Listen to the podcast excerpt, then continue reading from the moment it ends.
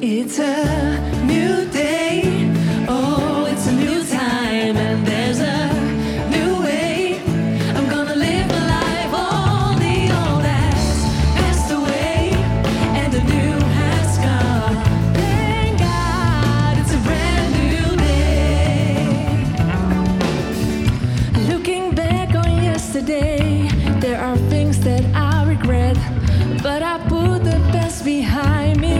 I never will forget. You have covered my mistakes and my broken dreams now. Oh,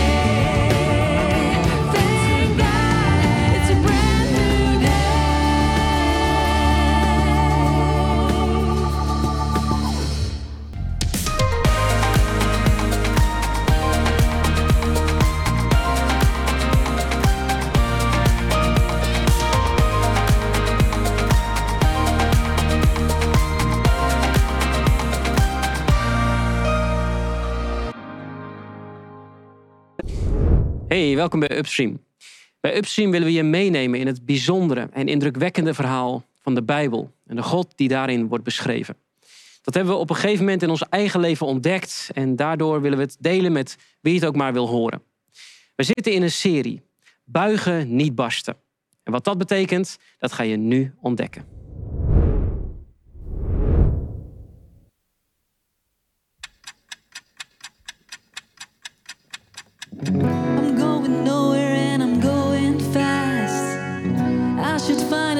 to go and rest. I should find a place to lay my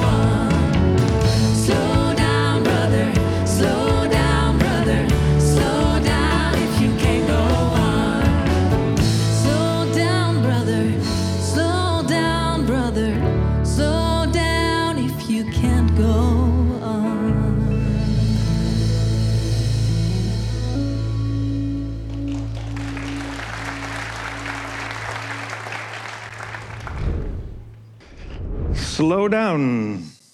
Nou, dat zat ook mooi in de muziek. Hè? Het vertraagt aan het eind langzaam naar een stukje rust. Slow down, een nummer waarmee eh Douwe Bob eh, in 2016 ons land vertegenwoordigde bij het Eurovisie Songfestival. En hij werd de elfde. Dus ehm, hij kon daarna rustig aan doen, want anders had hij heel veel optredens gekregen natuurlijk. Maar hij kon slow down verder. Het nummer gaat, en dat heb je wel meegekregen, over onthaasting in de, de drukke moderne wereld, in het drukke moderne leven. Vrij vertaald zong die iedere morgen weer een nieuwe start. Hè, steeds maar weer, het gaat maar door. Elke ochtend komt zo hard aan. Met name als het, als het leven wat pittig is, als je het zwaar hebt. Ik denk dat het angst is. Ik denk dat ik op ben. Aan het einde van mijn Latijn zou je kunnen zeggen. En het kan zijn dat je zo in het leven staat. En dan zegt hij dus, slow down. Rustig aan. En de vraag is, is dat zo makkelijk? Nou, veel mensen zullen dit misschien herkennen. Als je hier zit, als je dit online ziet of luistert. Veel mensen zullen het herkennen, want het is een thema wat steeds vaker voorbij komt. In het nieuws horen we steeds vaker over ja, het opgejaagd zijn, stress, mensen met burn-out en dergelijke. In de gesprekken die we onderling hebben, komt het steeds vaker voorbij. En het is ook steeds meer een, een reden voor uitval van mensen op het werk. Uit onderzoek blijkt dat een behoorlijke hoeveelheid mensen gebukt gaan onder toch de enorme druk die het leven van alle dag met zich mee kan brengen. We hadden hier goed een jaar geleden ook al eens een serie over. Dat heette toen Je leven op orde. Toen was het thema van uitgeput naar energiek en veel elementen daarin komen ehm, ook nu weer voorbij. Zij het wat beperkter, want we willen wat andere insteek kiezen. Sindsdien, sinds de vorige keer dat we erover spraken, is het probleem, zo valt te lezen op de website van de NOS, landelijk niet minder geworden. Maar het is eigenlijk erger geworden. Boven dit artikel staat stressuitval op het werk weer terug op pre-corona-niveau. We gaan gewoon iets te hard of we gaan weer iets te hard. Corona heeft natuurlijk zijn aandeel gehad, zo valt te lezen in het artikel, in stress- en burn-out klachten en dat soort dingen. Maar staat er, ook melden zich meer mensen ziek door psychische klachten. 10% meer dan voor corona. Dus het feit dat corona nu weg is, heeft het probleem niet opgelost of minder gemaakt. Sterker nog, het probleem is groter geworden. De stijging van het aantal psychische klachten is niet nieuw. Al jaren neemt het aantal mensen toe dat daardoor uitvalt. Onderzoeksbureau TNO doet samen met het CBS, het Centraal Bureau voor de Statistiek, jaarlijks een onderzoek naar arbeidsomstandigheden en ziet een toename sinds 2014. Nou, die toename was er eigenlijk ook voor 2014 al, maar het lijkt erop dat de toename steeds harder gaat, dat het progressief stijgt. Uit cijfers van het TNO en CBS blijkt dat in Nederland 1,3 miljoen mensen met burn-out of burn-out, burn-out klachten of burn-out verschijnselen of een burn-out thuis zit. En uh, gezien het feit dat er iets minder dan 10 miljoen mensen in uh, Nederland een baan hebben, betekent dat dat dat een kleine 14% is die hieronder gebukt gaat, die er om die reden niet op het werk kan zijn. In dit artikel staat: sinds de dreiging van COVID afneemt, stijgt het psychosociaal ziekteverzuim ongekend snel. Dus dat is een enorme progressie in het aantal ziekmeldingen ten gevolge van overbelasting, zou je kunnen zeggen. Nou, dat is niet alleen bij werkenden en volwassenen, ook onder studenten is de trend niet gunstiger. Helft studenten, las ik, ervaart psychische klachten tot een doodswens aan toe. In het artikel staat de helft van de studenten, 51%, ervaart psychische klachten zoals angst en somberheid, van wie 12% zelfs in ernstige mate. Tot een doodwens aan toe blijkt uit groot onderzoek van het RIVM, Trimbos Instituut en GGD GHOR Nederland. Veel studenten ervaren eenzaamheid, prestatiedruk, stress en slaapproblemen. Studenten die wekelijks cannabis gebruiken, wat wij nou ja, zeg maar in ons land heel normaal zijn gaan vinden. Een soort van, nou ja, dat geeft ontspanning. Nou, die ontspanning lijkt het niet te geven. Althans niet voor de langere termijn. Want studenten die wekelijks cannabis gebruiken... of wel eens zonder doktersvoorschrift een concentratieverhogend middel gebruiken... hebben vaker dit soort klachten. Dus daar wordt het niet beter van, daar wordt het minder van. Ook in dit artikel wordt duidelijk dat corona een rol heeft gespeeld, maar niet als belangrijkste oorzaak, maar eigenlijk als versneller van het probleem dat er al was. Dus in alle lagen van de bevolking, in alle leeftijdscategorieën en iedere sociale klasse, werkend of student, zien we een enorme toename van druk, druk, druk gerelateerde klachten en het begint epidemische vormen aan te nemen. Het, het, het, de beheersbaarheid ervan lijkt uh, steeds verder weg. Zelfs kinderen krijgen er in toenemende mate mee te maken. In dit artikel stond boven jong en uitgeblust. Kinderen met een burn-out. In het artikel staat: je kindertijd hoort zorgeloos te zijn. Een beschermende omgeving, lekker spelen, weinig verplichting. Maar sommige kinderen ervaren zoveel druk dat ze te maken krijgen met een wel heel volwassen probleem, een burn-out. En niet in de laatste plaats ook door de vele scheidingen, samengestelde gezinnen, het in meerdere woningen wonen, maar ook alle andere druk hè, die op kinderen afkomt, als social media, alle materiaal wat ze te zien krijgen en dergelijke. Volgens het Nederlands Jeugdinstituut heeft zo 4 tot 8 procent van de kinderen tussen de 0 en 12 angst- en stemmingstoornissen. Daarnaast zou 10% van de jongeren van 13 en ouder last hebben van angststoornissen. Nou, dat is natuurlijk een enorm probleem. En, en zoals ik al zei, wat voor alle leeftijdscategorieën geldt. En ik wil jullie een moment geven, een paar minuten even, om daar eens even met elkaar op te reflecteren rondom deze drie vragen. Ten eerste, herken je dit in je eigen omgeving? Komt het voor, misschien bij mensen die dichtbij je staan, in de familie. Ten tweede, herken je het in je eigen leven, dat de druk van het leven zo hoog is dat je af en toe daaronder gebukt gaat, op knappen staat, of misschien zelfs al wel burn-out klachten of burn-out hebt gehad. En ten tweede, hoe kunnen we, denk je, dat tij, hoe kunnen we volgens jou het tij keren? Nou, misschien wil je daar eens even een paar minuten met elkaar op reflecteren.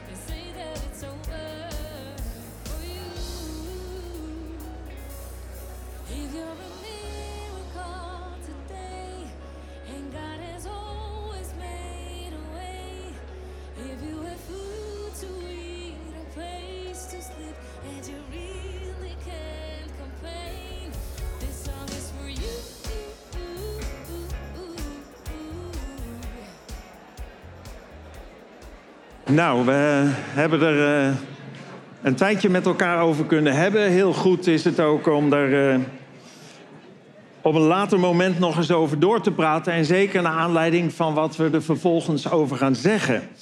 Want eh, dat was de laatste vraag natuurlijk. Hoe kunnen we volgens jou het tij keren? En ja, dat is natuurlijk wel belangrijk. Want als je er op internet naar kijkt en een stukje gaat zoeken... dan zie je dat er van allerlei suggesties zijn. Hè? En, en slow down, brother, ja, dat klinkt prachtig. Maar hoe dan? Hoe ga je dat doen? Hoe geef je dat handen en voeten? Hoe ga je dan nog steeds om met de wereld die pittig is en blijft? Het leven is altijd een uitdaging. Nou, we staan drie weken stil bij het thema buigen, niet barsten. En op de uitnodiging staat dit. Nog heel even volhouden. Nog eventjes doorzetten en dan komt wel de tijd voor rust, plezier en liefde. Of toch niet? We doen vaak veel te veel en vragen ons soms af... hoe houden we dat allemaal nog vol? Dan voelt het leven meer als overleven en is er nauwelijks tijd om op adem te komen. Je buigt en buigt en hoop maar dat je niet barst. Tot het breekpunt, breekpunt daar is. En hoe raap je jezelf dan nog bij elkaar? De serie gaat over hoe het leven soms overweldigend kan zijn. En daar kun je soms helemaal niks aan doen. Kunnen we in plaats van overleven ook leren te overwinnen? Oftewel, is er een remedie? Is er iets te doen waardoor het leven zoals het komt, en, en het komt niet altijd zoals je het verwacht, waardoor het leven toch vol te houden is. Nou, het thema van dit eerste deel is veel te veel. Veel te veel. We doen te veel, we zien te veel, we horen te veel. De informatiedichtheid alleen al, die we iedere dag te verwerken krijgen via het nieuws, maar ook vooral via onze telefoon, social media en dergelijke, als je daar gebruik van maakt, is enorm. Het is enorm veel wat we te verwerken krijgen en vaak als kinderen jong zijn, begint dat al. Het leven is door de eeuwen heen eigenlijk nooit gemakkelijk geweest, maar de hoeveelheid mensen die in deze tijd wereldwijd, het is niet alleen in het Rijke Westen of zo, maar wereldwijd barsten onder de uitdagingen en de belasting van het leven, is nog nooit zo groot geweest. Het is niet zo van, ja, dat is wel eens eerder geweest en nu is het weer een beetje en zo gaat het een beetje heen en weer. Het is nog nooit zo extreem geweest. Nog nooit zoveel mensen aan de antidepressiva. Nog nooit zoveel mensen die gesprekken aanvragen voor psychische hulp en dergelijke. De angst neemt toe, de onzekerheid neemt toe, de druk neemt steeds verder toe. En het aantal mensen met psychische klachten, ik zei het al, neemt schrikbarend toe. En steeds meer mensen bereiken het punt eh, wat je met een keer wat uitslapen. Hè? Je kunt natuurlijk onder druk zijn. Denk, nou, slaap even wat langer en dan eh, zijn we er weer. Of wat met op vakantie gaan. Of een extra keer op vakantie gaan. Of met een andere ontspanning zoeken. Niet meer op te lossen is. Dat, dat je, dat je niet, dit niet meer kunt inhalen door wat extra te slapen of zo.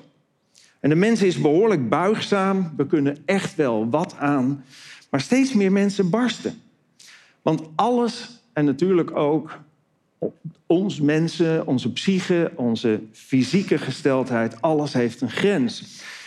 En helaas is het zo dat die barsten die eventueel ontstaan, niet zomaar weer weggaan. En, en daarom houden ook in toenemende mate ook weer mensen klachten over aan bijvoorbeeld een burn-out. En wat ook betekent dat je ook kwetsbaar wordt om opnieuw die overbelasting te gaan ervaren. Dus je, je wordt eigenlijk zwakker in het aankunnen van de wereld om ons heen. En ja, dat wordt dan een soort visueuze cirkel. Nou, dat het leven door verschillende oorzaken zwaar kan zijn en dat dat van alle tijden is ook. Het is nu wel heel heftig, maar het is eigenlijk altijd zo geweest dat het leven een bepaalde heftigheid heeft. En dat blijkt ook wel uit het feit dat toen Jezus 2000 jaar geleden hier op aarde rondliep en hier leefde, ook al te maken kreeg met mensen die dreigden te bezwijken onder de druk en de uitdagingen van het leven. De, de wereld heeft een bepaalde mate van gebrokenheid, zou je kunnen zeggen. We leven niet in het paradijs waar alles vanzelf goed gaat en, en, en alles prachtig en fantastisch is. Nee, we leven in een wereld die gebroken is en Daar hebben we met elkaar een stuk verantwoordelijkheid voor. De wereld is niet zomaar gebroken, maar daar zijn we allemaal ook een stukje onderdeel in. Maar ook in die tijd waren er mensen die daar dus onder gebukt gingen. En er waren in die tijd natuurlijk geen mobiele telefoons. Er was geen Facebook en geen Instagram. Er waren geen influencers die je continu een plaatje voorhielden waar je wel aan moest voldoen. Geen dreigende bankencrisis, maar wel een heleboel andere dingen. Meer dan voldoende om ook stress te ervaren en druk te ervaren. Dingen die het leven zwaar maakten. Vandaar dat Jezus regelmatig inging op het thema die te maken heeft met de dingen die het leven moeilijk maakten. Jezus deed daarom ook vaak een indringende oproep aan mensen om hem heen om God onderdeel te laten maken, te laten uitmaken, om hem onderdeel te laten uitmaken van hun leven. Ten einde de problemen niet weg te poetsen, want zo werkt het niet, maar het hoofd te kunnen bieden, aan te kunnen. En Jezus deed dat met deze woorden.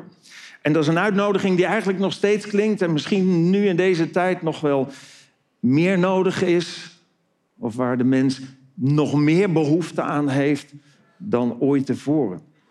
Jezus zei het met deze woorden: Kom naar mij als je moe bent. Kom naar mij als je gebogen gaat, hè, nog voordat het barst, als je gebogen gaat onder het gewicht van je problemen. En dan doet hij een belofte: Ik zal je rust geven. Iets waar je enorm naar kunt hunkeren in een gejaagde wereld waar je onder druk staat, waar je misschien wel burn-out klachten hebt of hebt gehad. Je verlangt dan zo naar rust, rust die je met vakantie en slapen niet krijgt. Ik zal je rust geven. Dat is een grote belofte die Jezus hier doet. En er zijn duizenden, tienduizenden, miljoenen mensen die ervan kunnen getuigen dat dit niet een loze belofte is, maar dat het echt zo is. Dat het echt zo werkt. En de vraag is natuurlijk, ja, maar hoe dan? Hoe gaat Jezus dan die rust geven? Nou, Jezus zei om te beginnen, neem mijn juk op je. Waarschijnlijk weet je wel wat een juk is. Dat is zo'n werktuig waarmee meerdere trekdieren, soms twee, soms vier of soms nog meer, voor een ploeg of een wagen of, of bomen die uit het bos moesten worden gesleurd, werden gespannen. En door dat juk werd de last verdeeld onder die twee lastdieren. En, en samen trokken ze, soms de ene wat harder dan de andere. En samen werkten ze en werd de last verdeeld. Dus als Jezus zegt, neem mijn juk op je, betekent dat dat hij eigenlijk zegt, je hoeft die last die je nu in je eentje torst, niet alleen te dragen. Ik wil er graag zijn om van die smart, die druk, een verlichting te maken. Een verlichting te geven. Gedeelde smart, zeggen we, is halve smart. En misschien is de smart die je overhoudt nog minder afhankelijk van de kracht die Jezus inbrengt in het dragen van de uitdagingen van het leven. Maar dat is niet het enige wat Jezus zegt. Hij zegt ook dit. En leer van mij. Dus neem mijn juk op je. hè. Laat mij naast je in het leven meegaan, zodat ik jouw last kan meedragen. Maar belangrijk, daarna zegt hij, en leer van mij. Er is schijnbaar iets te leren wat belangrijk is om het leven te leven en om het leven ook als gelukkig en mooi en prettig te ervaren, ondanks de gebrokenheid. Leer van mij. Oh, zeg je misschien als je hier zit of als je kijkt online.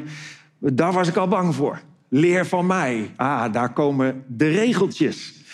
En misschien heb je weinig of niets met God, of misschien heb je weinig of niets met Jezus en nog minder met kerk en kerkmensen. Juist vanwege die associatie, die regeltjes. Misschien is het wel jouw associatie met de Bijbel en alles wat met God en de kerk te maken heeft. Je moet doen wat je niet wilt en je mag niet wat je wel wilt. Dat is vaak de associatie die er is. En ik kan niet ontkennen dat er aardig wat morele en ethische kaders in de Bijbel staan. En aardig wat waarden en normen in de Bijbel voorbij komen. Maar de vraag is, maken die het leven moeilijker of makkelijker? Maken die het leven beter of slechter? Maakt het dat je, waar we ten diepste allemaal naar op zoek zijn, geluk in je leven ervaart? Of dat je minder of geen geluk in je leven ervaart? Een van de beroemdste koningen die ooit geleefd heeft, was koning David. Duizend voor Christus was hij koning. Dat is heel bekend geworden, misschien ken je dat verhaal wel, hè, van dat gevecht wat hij, hè, die strijd die hij streed tegen Goliath. Hè, De reus, die man die groter was dan hij en sterker was dan hij. En hij, slim, maar ook vaardig als hij was, slingerde met een steen en raakte hem in het voorhoofd. En Goliath ging ter aarde, viel ter aarde. En deze, deze jonge man, na die heldendaad zou je kunnen zeggen, wat hij helemaal niet zo zou beschrijven, want hij zegt, ja, ik heb het gedaan vanuit dat wat God me aan vaardigheden ook gaf. Hij werd later koning. Koning over Israël. En deze koning is een beetje bijzonder. Wij zouden hem nu een singer-songwriter noemen. Hè, iemand die teksten, muziekteksten schrijft en ze zelf ook uitvoert. Hij was muzikant, hij was zanger en hij schreef zijn teksten zelf. En een van die nummers die hij schreef, daarin staat dit. In de Bijbel heten ze psalmen. Daar staat dit. De richtlijnen van de Heer, de kaders die, die God geeft, zegt hij, zijn volmaakt. Ze geven levenskracht. Deze koning die heel gemakkelijk zelf alle regels zou kunnen bedenken die hij wilde. Hij was koning. Hij bepaalde, en er was geen democratie in die tijd, dus de, zijn wil was wet. En deze koning, die, die alles zelf zou kunnen bedenken, precies zoals hij het leuk en fijn zou vinden, die zegt: Nou, nee, laat maar. Ik ga liever voor de richtlijnen van de Heer. Want die zijn volmaakt, ze geven levenskracht. Hij gaat verder, wat de Heer afkondigt, is betrouwbaar. Het werkt echt. Het maakt de onervarene wijs. Oftewel, je hoeft niet ervaren te worden in het leven door vallen en opstaan, door grote schade soms te lijden. Nee, God geeft de mens die hij gemaakt heeft, geloof ik, de richtlijnen om het leven te midden van de gebrokenheid maximaal positief te kunnen leven. Wat de Heer beveelt, gaat hij verder, is juist. Het is een bron van vreugde. Wat de Heer gebiedt is zonneklaar. Het is zo helder als glas. De ogen gaan ervan stralen. Het woord van de Heer is zuiver. Altijd blijft het gelden. Hij zegt niet, ah, dat is natuurlijk een beetje van vroeger en zo. Want toen hij duizend voor Christus leefde, waren die kaders die God gegeven heeft ook al heel oud. En nu zijn ze nog, we zijn nog 3000 jaar verder, nog veel ouder. En toch, hij zegt altijd blijven ze gelden. En waarom? Nou, ja, het gaat dan wel niet over telefoons en bankencrisis en al dat soort dingen, maar het gaat over mensen. Mensen zoals jij en ik. Met onze uitdagingen rondom het huwelijk en onze financiën en, en hoe we dit doen en hoe we met elkaar omgaan en noem maar op. De thema's zijn in dat oude boek, de Bijbel, exact hetzelfde als nu. Dus het is met name de richting die God daarin geeft belangrijk om te kijken, maar hoe kunnen we daar dan het beste mee omgaan? De uitspraken van de Heer gaat hier verder zijn betrouwbaar, hun juistheid valt niet te betwisten. Ze zijn begerenswaardiger dan goud, dan het allerzuiverste goud. Ze zijn zoeter dan honing, dan honing zo uit de raad. Als je, als je die kaders die God voor het leven geeft, die soms zo onaantrekkelijk klinken en soms lastig zijn, als je die toch omarmt en, en in je leven toepast, zegt hij, nou dan ga je merken, het is, het is belangrijker dan, dan goud en het is zoeter dan honing. In het nummer van Douwe Bob kwam deze tekst voorbij. Denk je dat ik het ooit zal leren? Leren om het leven te leven, zodat het me niet gek maakt. Vroeger was ik zorgeloos, zong hij. Nu lijkt alles wat ik doe mij niet vrij te maken. En dat klopt. De wereld wordt verleid door een andere autoriteit waarin ik geloof. Ik geloof dat God bestaat en de maker is van alles wat zichtbaar is en onzichtbaar is. Maar ik geloof ook dat er een andere autoriteit is, een tegenstander. Ik kan er nu niet te diep op ingaan. Ik zou zeggen, blijf kijken, blijf komen, blijf luisteren. Komt het vanzelf weer voorbij. Maar het kwaad, de tegenstander van God, die de Bijbel de leugenaar noemt... probeert de zaken zo te verdraaien dat het wel aantrekkelijk eruit ziet... maar dat het ons niet vrij maakt. niet gelukkig maakt. U lijkt alles wat ik doe me niet vrij te maken. En dat is precies wat er ook gebeurt. Om die reden zegt Jezus ook: neem mijn juk op je en leer van mij. Ik wil je het leven leren te leven op een draaglijke manier. En dat niet alleen op een manier waar je echt geluk kunt ervaren. Het is niet altijd gemakkelijk, ik zei het al. De dingen die in de Bijbel staan. Het is niet altijd heel aantrekkelijk. Zeker niet. Nee, want er is altijd een bepaalde begeerte, een bepaald verlangen in ons om de dingen net anders te doen.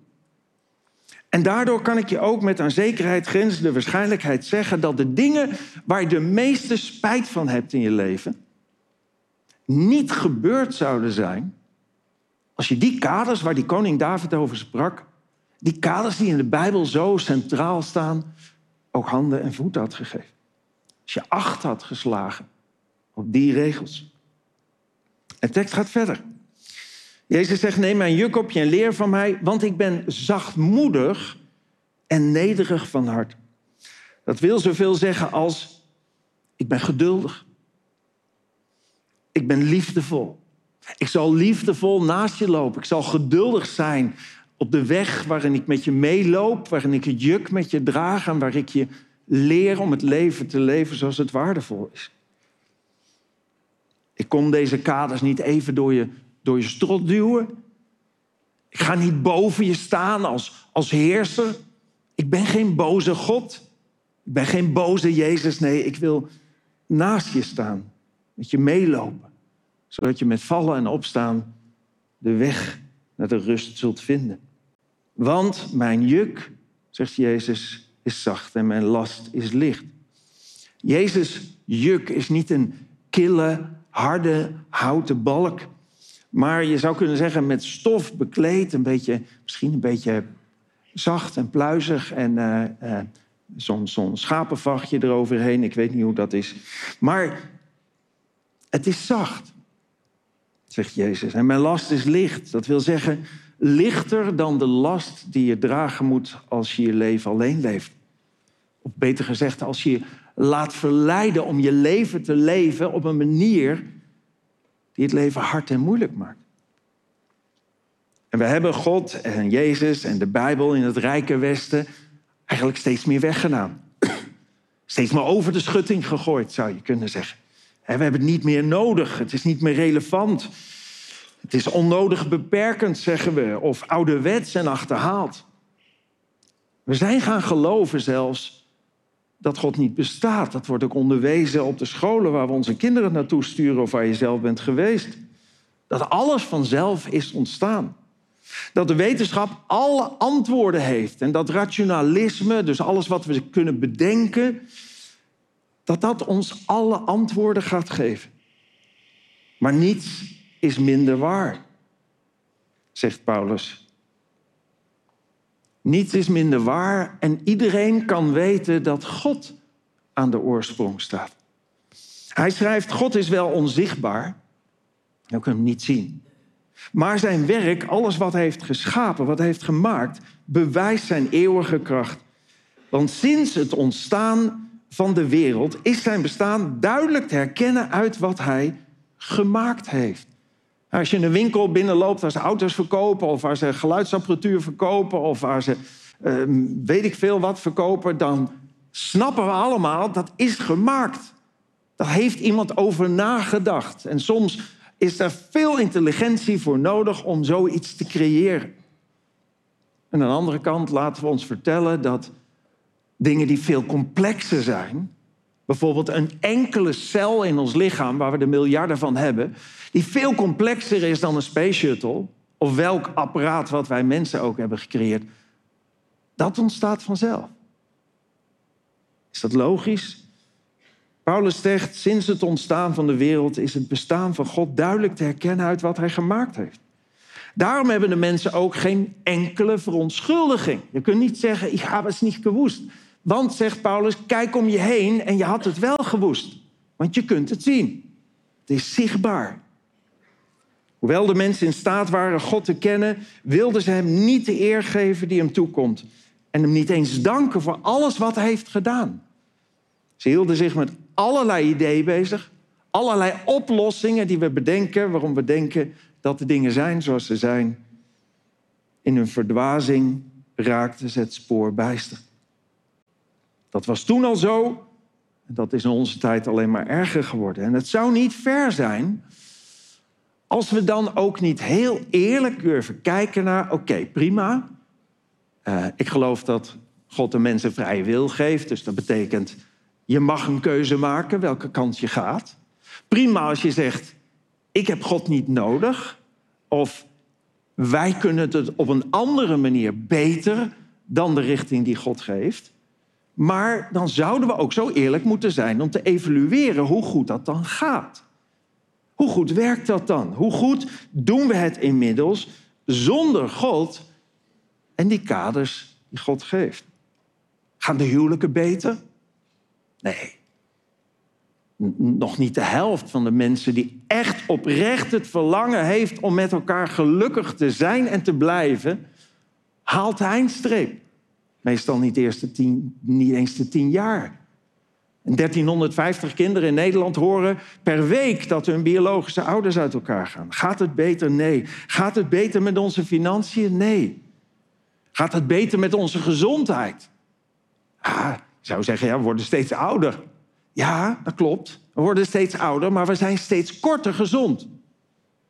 De periode dat we zonder klachten en ziekte en ellende zijn, is steeds korter. Zijn we gelukkiger? Nee. Ja, zeg je misschien, maar ja, er was een monitor en daaruit bleek dat wij bij de vijf gelukkigste, de mensen uit Nederland, bij de gelukkigste mensen hoorden van Europa, of misschien zelfs wereldwijd, ik weet het niet eens. Maar als je dan gaat kijken, wat zijn nou de vragen die gesteld worden om dat geluk te meten, dan is dat, heb je vrij toegang tot internet? Mag je zeggen wat je zeggen wilt zonder dat je daarin belemmerd wordt? Allemaal vragen waarin je zegt, ja, dat zijn nou juist de dingen waar je van mag afvragen of dat geluk geeft ten diepste. Als we allemaal zo geweldig gelukkig zouden zijn, dan zouden we ook niet zulke grote psychische problemen hebben. Ervaren we meer vrede? Nee. Zijn mensen hoopvoller in deze tijd? Nee. Is er meer liefde? Totaal niet. De wereld wordt steeds harder. Gezag en respect wordt steeds schaarser. We hebben steeds meer wetten nodig om de zaak nog een beetje in het gereel te houden en de wetboeken groeien.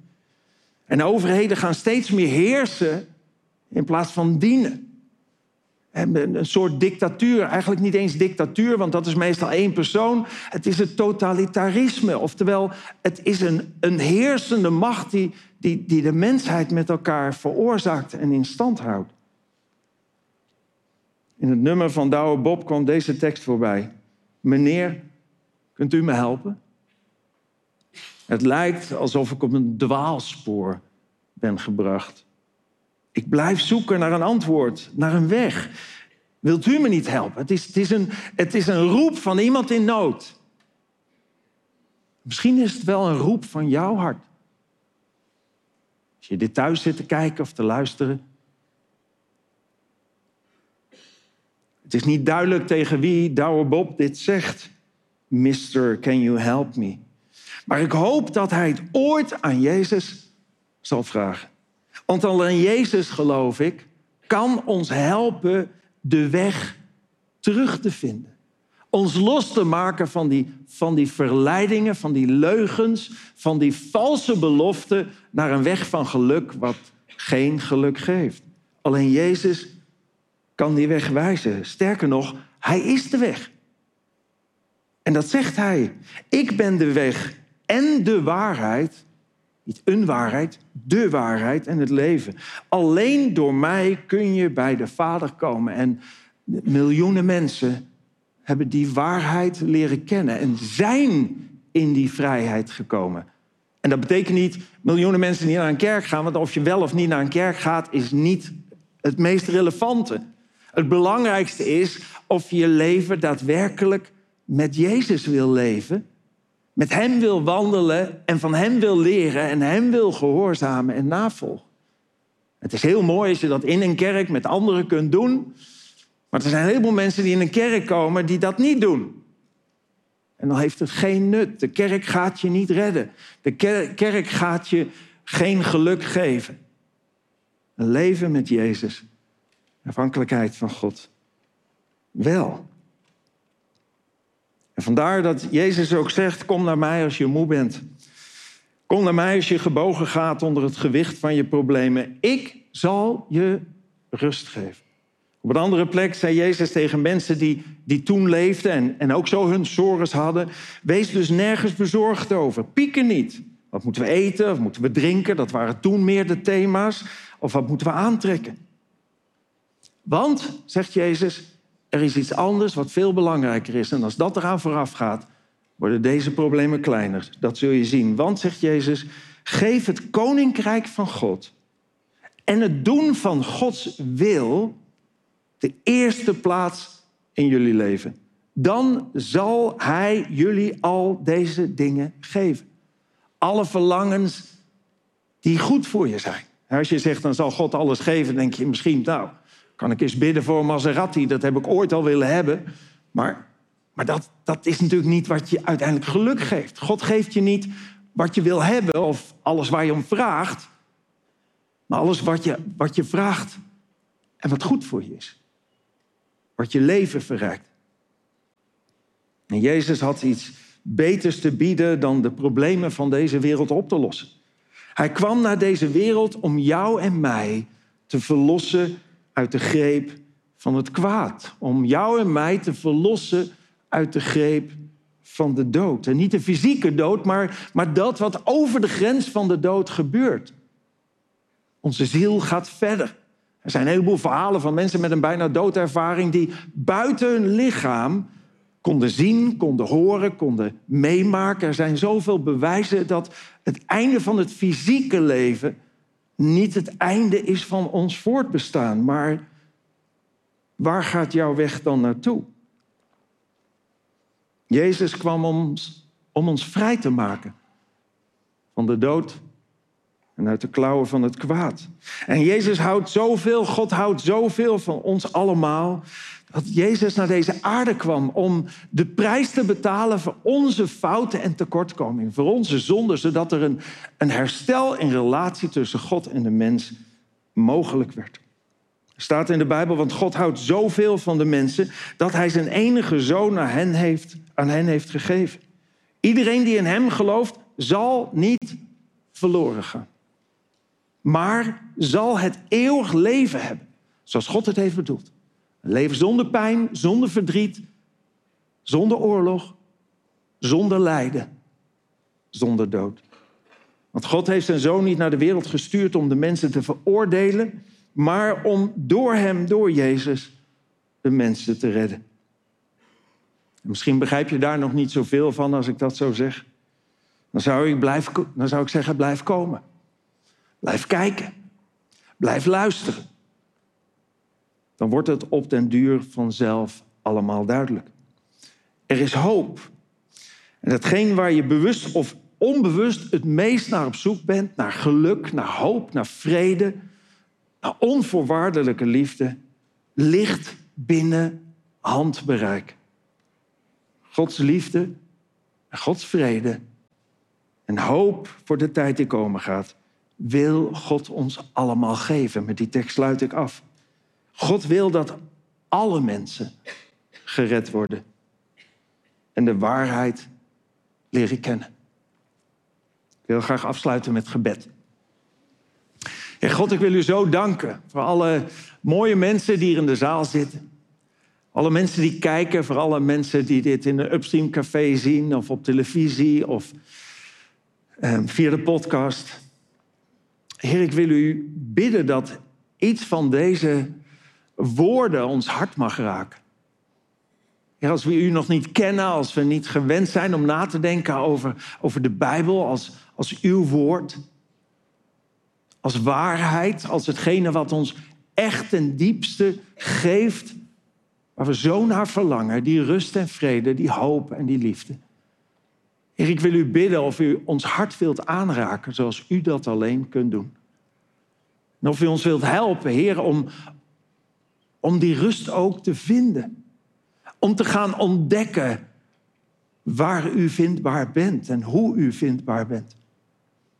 En u bent eigenlijk één gebed bij ons vandaan. Het moment dat wij voor onszelf bijvoorbeeld zeggen: Ik weet niet, Heer God, of u echt bestaat, maar als u echt bestaat, dan wil ik u leren kennen, dan zult u zichzelf aan ons bekendmaken. Als we verder zijn en ons realiseren dat u waarheid bent en zeggen: Heer Jezus, ik wil u volgen. Wilt u samen met mij het juk van het leven dragen? Wilt u mij wijsheid geven om het leven te leven zoals u het heeft bedoeld? Wilt u mij leiden, Heer? Dan mogen we vanuit uw woord weten dat u ons uw geest wilt geven, dat de verbroken relatie tussen ons en God hersteld mag worden. Heer, ik wil u zo bidden voor iedereen die hier zit en iedereen die dit ziet en hoort. Raak ons hart aan en help ons, Heer, om niet vast te blijven in deze idiote wereld, maar om de vrijheid bij u te zoeken. In Jezus' naam. Amen. Ja, dan zijn we alweer bijna aan het einde gekomen. We gaan zo nog luisteren naar één mooi nummer, maar er zijn nog een paar dingen die ik met je wil delen. Het eerste is dat je deze video's ook kunt bekijken in een Upstream café. Dat is een plek waar je samen met andere mensen naar deze video's kunt kijken en erover door kunt praten. Wil je op een andere manier met ons in contact komen? Kijk dan naar de mogelijkheden op onze website. Voor de rest zijn er nog heel veel video's te bekijken, dus neem gerust een kijkje. En uh, ik hoop je heel snel weer te zien bij Upstream.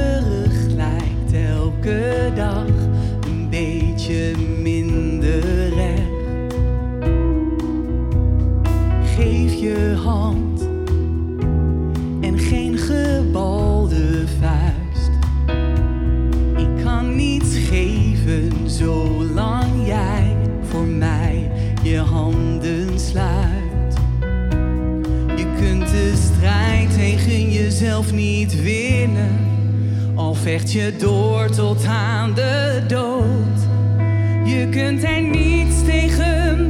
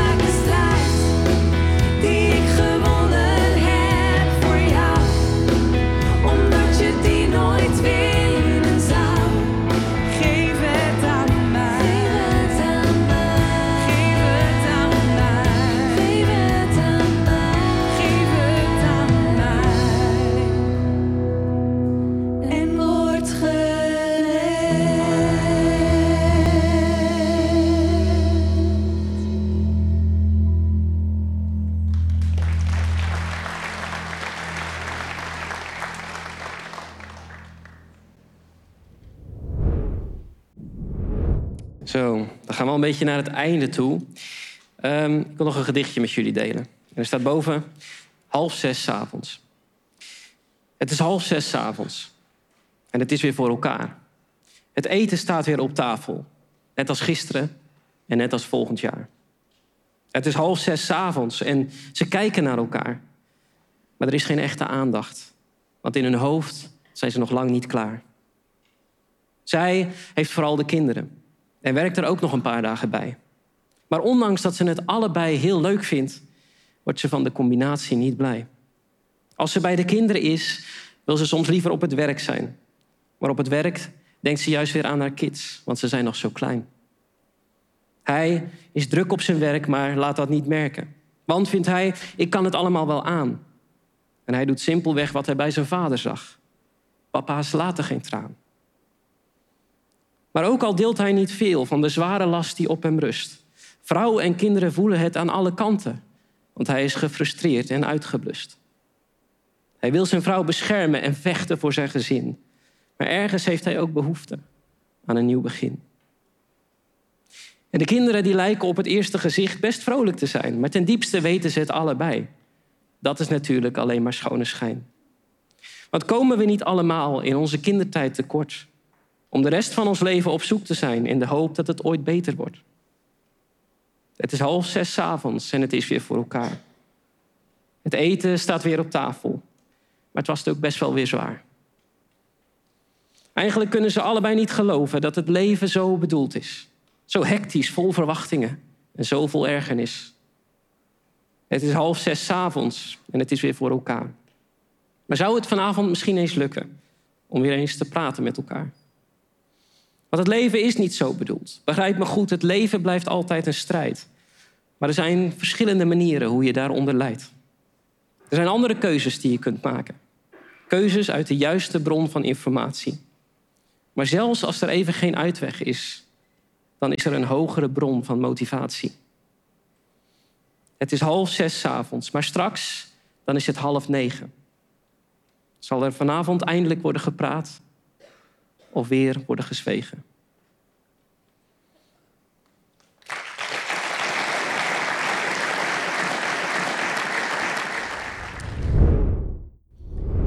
Ja, dan zijn we alweer bijna aan het einde gekomen. We gaan zo nog luisteren naar één mooi nummer, maar er zijn nog een paar dingen die ik met je wil delen. Het eerste is dat je deze video's ook kunt bekijken in een Upstream café. Dat is een plek waar je samen met andere mensen naar deze video's kunt kijken en erover door kunt praten. Wil je op een andere manier met ons in contact komen? Kijk dan naar de mogelijkheden op onze website. Voor de rest zijn er nog heel veel video's te bekijken, dus neem gerust een kijkje. En eh, ik hoop je heel snel weer te zien bij Upstream.